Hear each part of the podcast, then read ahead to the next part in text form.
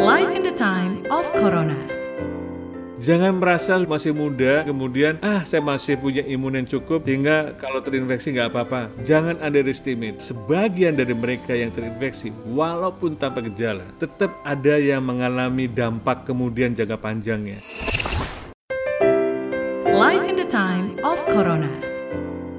Hai hai, kembali lagi kita di podcast Live in the Time of Corona Podcast yang akan membantu kamu menavigasi hidup bersama pandemi COVID-19 Bersama saya Indra Saputra Yang kembali lagi menjadi teman kamu Di episode kali ini kita akan membahas tema belajar dari India Cegah lonjakan kasus di Indonesia kalau bisa dibilang ya, saat ini India menjadi epicentrum pandemi global dengan lonjakan kasus COVID-19 setiap harinya.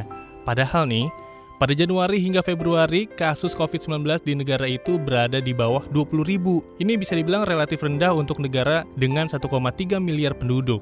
Namun, setelah lalainya masyarakat India, terutama pada festival Kumbh Mela ya, yang diikuti jutaan umat Hindu, kasus COVID di India langsung melonjak. Nah, melihat kasus di India dan juga melihat kelalaian serta abainya masyarakat Indonesia terhadap protokol kesehatan, mungkinkah Indonesia akan mengalami hal yang sama seperti India?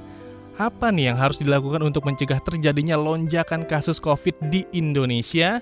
Kita akan obrolin ini semua bersama narasumber yang sudah menyempatkan waktunya. Terima kasih banget untuk Mas Pandu Riono selaku epidemiolog dari Fakultas Kesehatan Masyarakat Universitas Indonesia. Mas Pandu, apa kabar? Baik, Mas Indra, apa kabar juga? Alhamdulillah baik. Salam sehat selalu ya Mas Pandu ya. Ya, kita harus sehat dan survive dalam pandemi ini. Yes, Ya. kita ngobrolin soal belajar dari India nih. Kalau menurut analisis Mas Pandu nih terhadap kasus tsunami COVID yang terjadi di India ini gimana nih Mas? Ya, kita mau belajar ngikutin India atau belajar supaya jangan jadi kayak India. Kalau kita mau populer, mau terkenal di seluruh dunia, ya kita belajar supaya terjadi seperti di India. Ya amit-amit jangan sampai ya. Itu udah tragedi kemanusiaannya yang eh, menurut saya sulit ditebak sebenarnya, sulit ditebak. Saya juga nggak nyangka eh, kejadian seperti itu.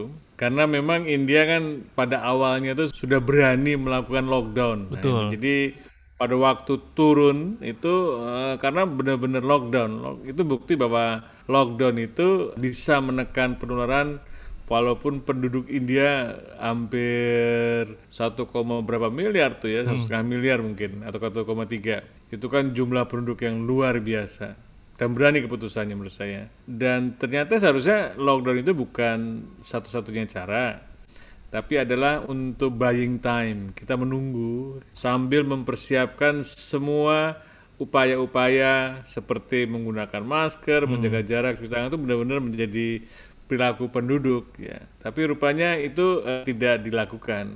Bahkan ketika akan dilonggarkan jadi dicabut karena sudah merasa turun. Apalagi beberapa studi, oh udah sudah cukup banyak yang terinfeksi, kita sudah dekat dengan herd immunity. Ya, apalagi India kan di sana tuh punya dua pabrik vaksin yang sudah bisa membagi vaksin ke negara-negara lain gitu kan saking hebatnya gitu. Tetapi ternyata eh, mengalami efek yang seperti negara yang tidak berdaya ya kan. Jadi kejadian itu seperti di Amerika ketika di Amerika sebagai negara yang superpower semuanya ada tapi tiba-tiba terjadi lonjakan luar biasa di Amerika Serikat dan orang nggak nyangka itu terjadi di negara yang sangat maju dan juga terjadi juga di India ya bersama itu polanya. Polanya kenapa? Sebenarnya leadership. Jadi masalah politik ketika mau dilonggarkan tidak memperhatikan keselamatan publik. Sehingga langsung diadakan pemilihan kayak pilkada lah di Indonesia.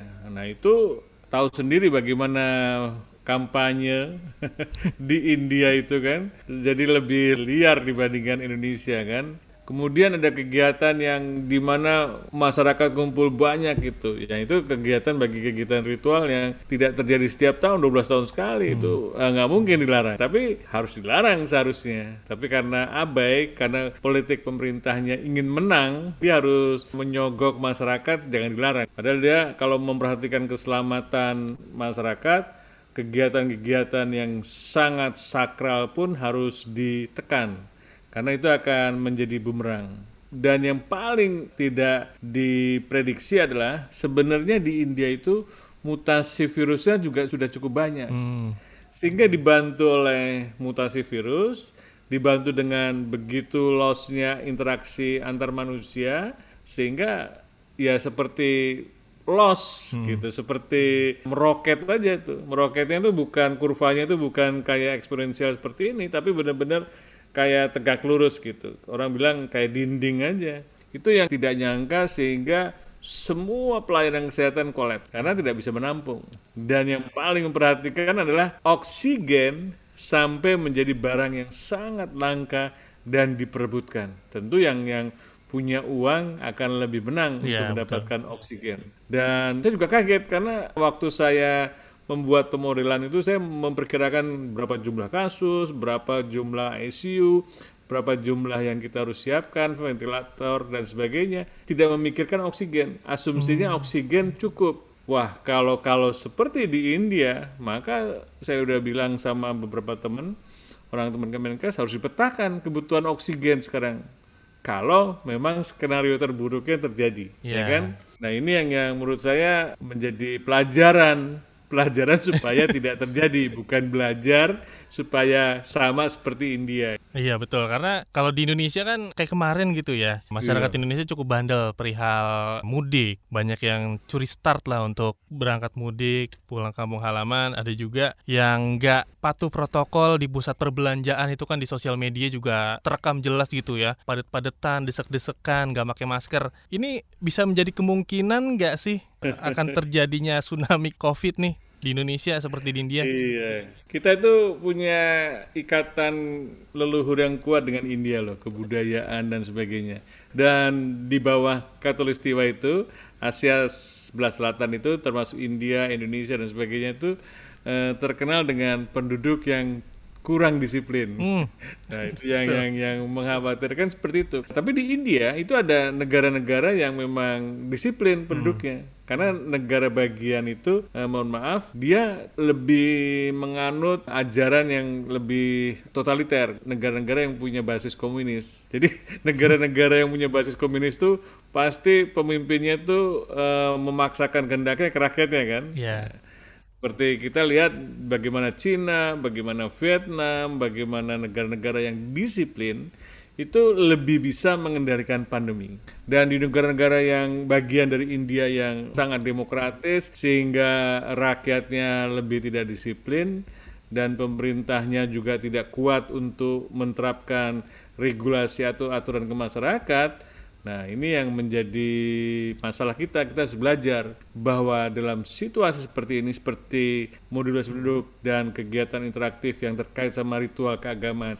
bisa meningkatkan risiko, maka harus dicegah dengan sesuatu kekuatan yang cukup kuat leadershipnya, bukan berarti dipaksakan. Dan dan mungkin dalam proses demokrasi untuk mengatasi wabah ini partisipasi masyarakat ini harus dibangkitkan. Bahwa ini bukan tanggung jawabnya pemerintah saja tapi tanggung jawabnya masyarakat. Karena masyarakat yang disuruh jaga jarak yang suruh pakai masker yang dilarang mudik yang dilarang sholat taraweh itu kan masyarakat. Kalau masyarakatnya cuma dilarang-larang saja mereka akan cenderung melawan. Lebih baik diajak. Nah konsepnya adalah diajak diedukasi bahwa ini adalah tanggung jawab kita, tanggung jawab kalian, tanggung jawab kita semua gitu loh. Yang menurut saya ini yang yang harus dilakukan oleh pemerintah, yang harus dilakukan oleh semua elemen masyarakat, perbedaan pandangan politik, perbedaan tentang masalah-masalah yang tidak penting ya kan. Menurut saya tidak penting karena apa? Karena musuh kita tuh sekarang tuh Covid Iya, bukan manusia Indonesia lainnya karena berbeda pendapat gitu langsung dimusuhin. Itu semua kita rangkul. Kita rangkul, sekarang kita harus bersatu.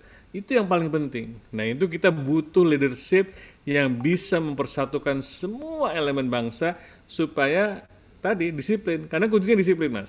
Kunci 3M itu cuma disiplin. Dan vaksinasi itu bukan satu-satunya cara untuk mengatasi eh, masalah penularan. Vaksinasi itu memang bisa mencegah supaya tidak COVID berat dan tidak meninggal. Makanya kita prioritaskan mendorong pada pemerintah supaya prioritaskan pada lansia. Karena virus ini dia memilihnya dalam pengertian semakin tinggi usianya, semakin besar kemungkinan risiko masuk rumah sakit atau menjadi berat, COVID berat, atau menjadi meninggal. Jadi kenapa waktu itu saya ngotot sekali supaya lansia prioritas. Kalau perlu semua lansia divaksinasi dulu 100% baru kemudian penduduk yang lebih muda. Ya kan? Tetapi kan pada waktu awal itu konsepnya adalah vaksinasi untuk pemulihan ekonomi, bukan Ya. untuk pengendalian pandemi. Ini yang menjadi masalah. Jadi harus diadvokasi terus supaya kembali ke fokus kita harus mengatasi pandemi. Kalau kita tidak mau terjadi seperti di India. Di India itu eh, vaksinasi mengarah ke privatisasi, Mas. Jadi nggak seperti di Indonesia gratis. Ya, jadi mereka yang kaya duluan yang dapat. Nah, ini kan tidak adil kan? Unfair, inequity. Nah, di sini menjadi polemik lagi. Padahal menurut tanggung jawab konstitusi adalah negara harus melindungi semua penduduk. Apalagi dalam masalah pandemi ini, negara berkewajiban melindungi dan mengobati sampai memberikan vaksinasi. Vaksinasi harus gratis, nggak boleh tidak gratis. Ini yang yang menurut saya, supaya jangan ada alasan masyarakat tidak mau divaksinasi. Dan orang mau divaksinasi, orang juga menganggap, loh saya masih muda kok, saya nggak perlu divaksinasi. nah itu kan artinya egois kan. Kalau makin banyak orang divaksinasi, maka masyarakat ini terlindung karena semua masyarakat jadi jadi mempunyai antibodi, mempunyai kekebalan. Ya karena sekarang aja vaksinasi di Indonesia gratis aja masih banyak yang tidak mau gitu, masih sulit juga. Betul sekali. Kemarin kan juga sempat terjadi pelonjakan klaster perkantoran tuh karena beberapa kantor kan udah udah menerima vaksin sehingga beberapa kantor juga jadi abai. Ini yang yang perlu diperhatikan lagi ya Betul bahwa sekali. sebenarnya vaksinasi tidak 100% melindungi tapi mengurangi resiko terjangkit kasus yang berat di tubuh kita juga gitu ya. Tidak mencegah penularan, tetapi melindungi untuk tidak sakit berat atau meninggal. Iya. Itu di atas 90%. Vaksin apa pun. Dan itu kalau ada orang terinfeksi siapa pun udah divaksinasi, saya tanya, berat nggak? Enggak. Masuk rumah sakit nggak? Enggak. Meninggal nggak? Enggak. Ya udah. Artinya vaksin melindungi gitu. Ya. Tetapi tidak mencegah terinfeksi. Nah, karena tidak mencegah terinfeksi, artinya kita bisa menjadi terinfeksi dan menjadi penular pada yang lain. Yang belum divaksinasi itu tadi yang menurut saya menjadi penting. Kenapa? Walaupun sudah divaksinasi tetap 3M pakai masker dan menjaga Betul. jarak supaya kita tidak menjadi sumber penular. Oke, terus kemarin juga ada yang bilang bahwa beberapa mutasi virus katanya ini kebal nih terhadap orang yang sudah divaksinasi. Nah, ini kan juga kemarin beritanya mutasi dari India dan Afrika sudah sampai di Indonesia nih. Sebenarnya iya apa sih yang membedakan dengan mutasi virus B117 dari Inggris yang sebelum-sebelumnya itu? Ya, Oke, jadi gini, sejak awal tahun 2020 ketika saya tahu ini pandeminya adalah SARS-CoV-2, coronavirus, itu dari keluarga nama virusnya tuh arenavirus. Hmm. Nah, ketika dulu saya belajar arenavirus itu, wah, ini virus yang mudah bermutasi.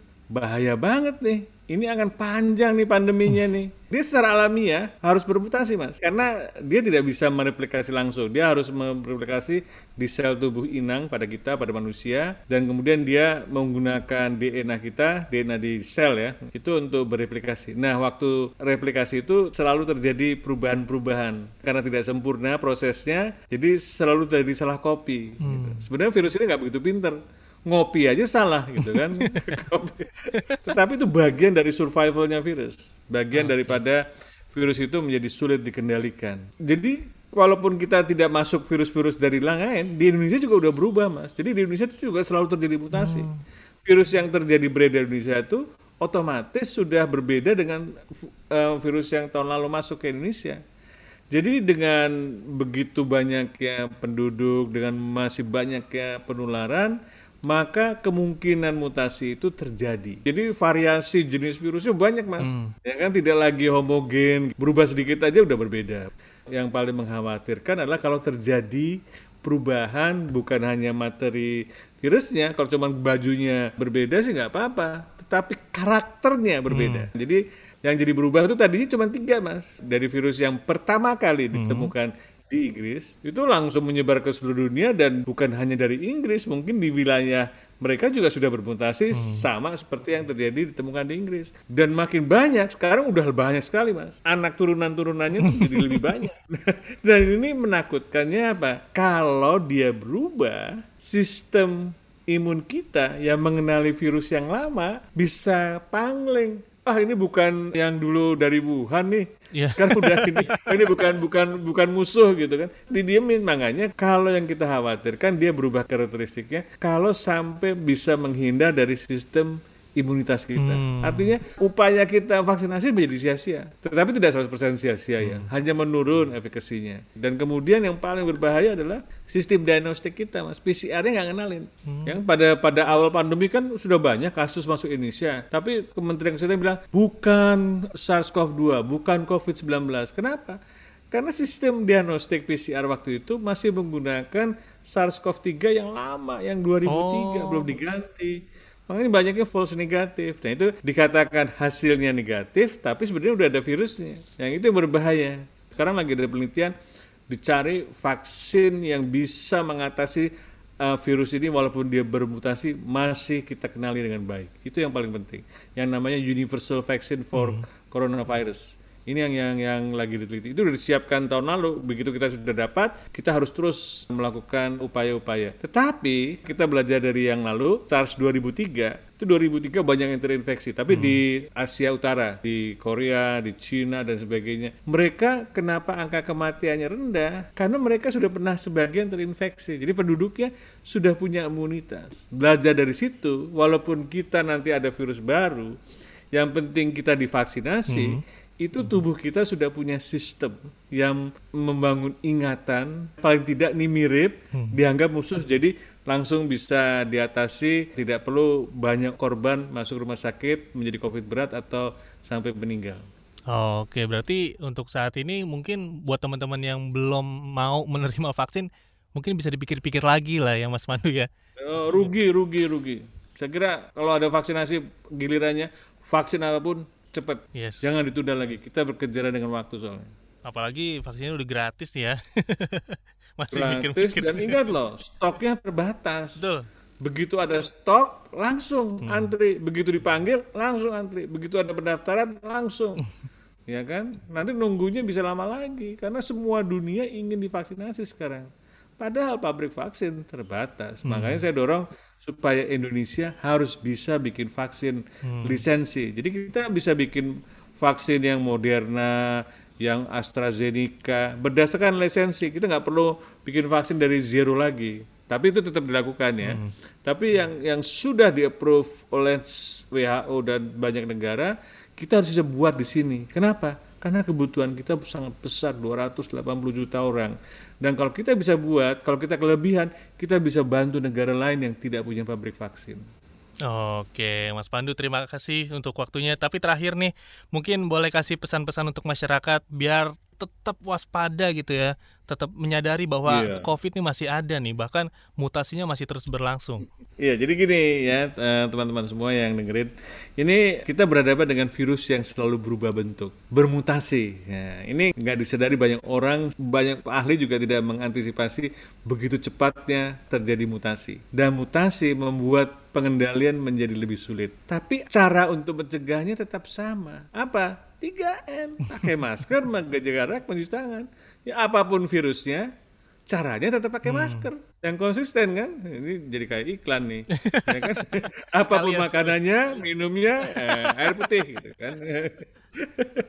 Jadi apa pun virusnya ya kan? Jenis virusnya bisa berubah. Tapi orang-orang yang konsisten memakai masker di mana pun dalam ruangan itu akan lebih terlindungi risikonya jauh lebih rendah untuk terinfeksi jangan merasa sudah masih muda ya kan kemudian ah saya masih punya imun yang cukup sehingga kalau terinfeksi nggak apa-apa. OTG jangan underestimate karena sebagian dari mereka yang terinfeksi walaupun tanpa gejala tetap ada yang mengalami dampak kemudian jangka panjangnya yang kita sebut, sebut sebagai long, Long COVID, COVID. kronis ya kan? Jadi ternyata ada kerusakan-kerusakan organ yang pelan-pelan terjadi nggak disadari dan orang jadi susah tidur ada imajinasi yang nggak benar pokoknya pokoknya jadi kualitas hidupnya nggak nyaman gitu. Seperti ada sesuatu yang mengganggu. Nah ini menurut saya lebih baik mencegah. Jadi yang perlu apa? Kewaspadaan. Jadi berhati-hati. Jangan nganggap oh itu teman kita oh lingkungan kita. Ya dulu nggak ada apa-apa. Sekarang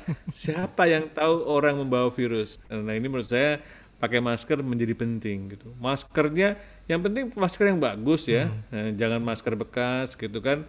Nggak perlu sampai tiga lapis karena ketakutan sampai ada yang sampai tiga empat susah napas nanti ya kan. Pakai ya yang penting masker masker itu Iya. menutup hidung dan eh, dagu supaya yang masuk kan semuanya masuknya ke sini. Iya betul. ya nggak ada yang masuk ke kuping Nggak. ada yang masuk ke mata tapi masuknya itu lewat saluran pernapasan. Jadi kita lindungi saluran pernapasan kita supaya virus yang tidak kelihatan ini dan ternyata lebih powerful sekarang ya. Nah, jadi kita udah capek setahun nggak ada ini tetapi virusnya itu sekarang virusnya baru mempunyai energi baru dan yang kita sudah capek sehingga akan banyak terjadi korban. Itu yang terjadi di India masyarakatnya abai virusnya baru langsung lonjakannya eh, sangat tinggi. Ya kan? Dan korbannya banyak kenapa? Karena penduduknya besar 1,6 miliar. Kita nggak akan seperti di India ya kan?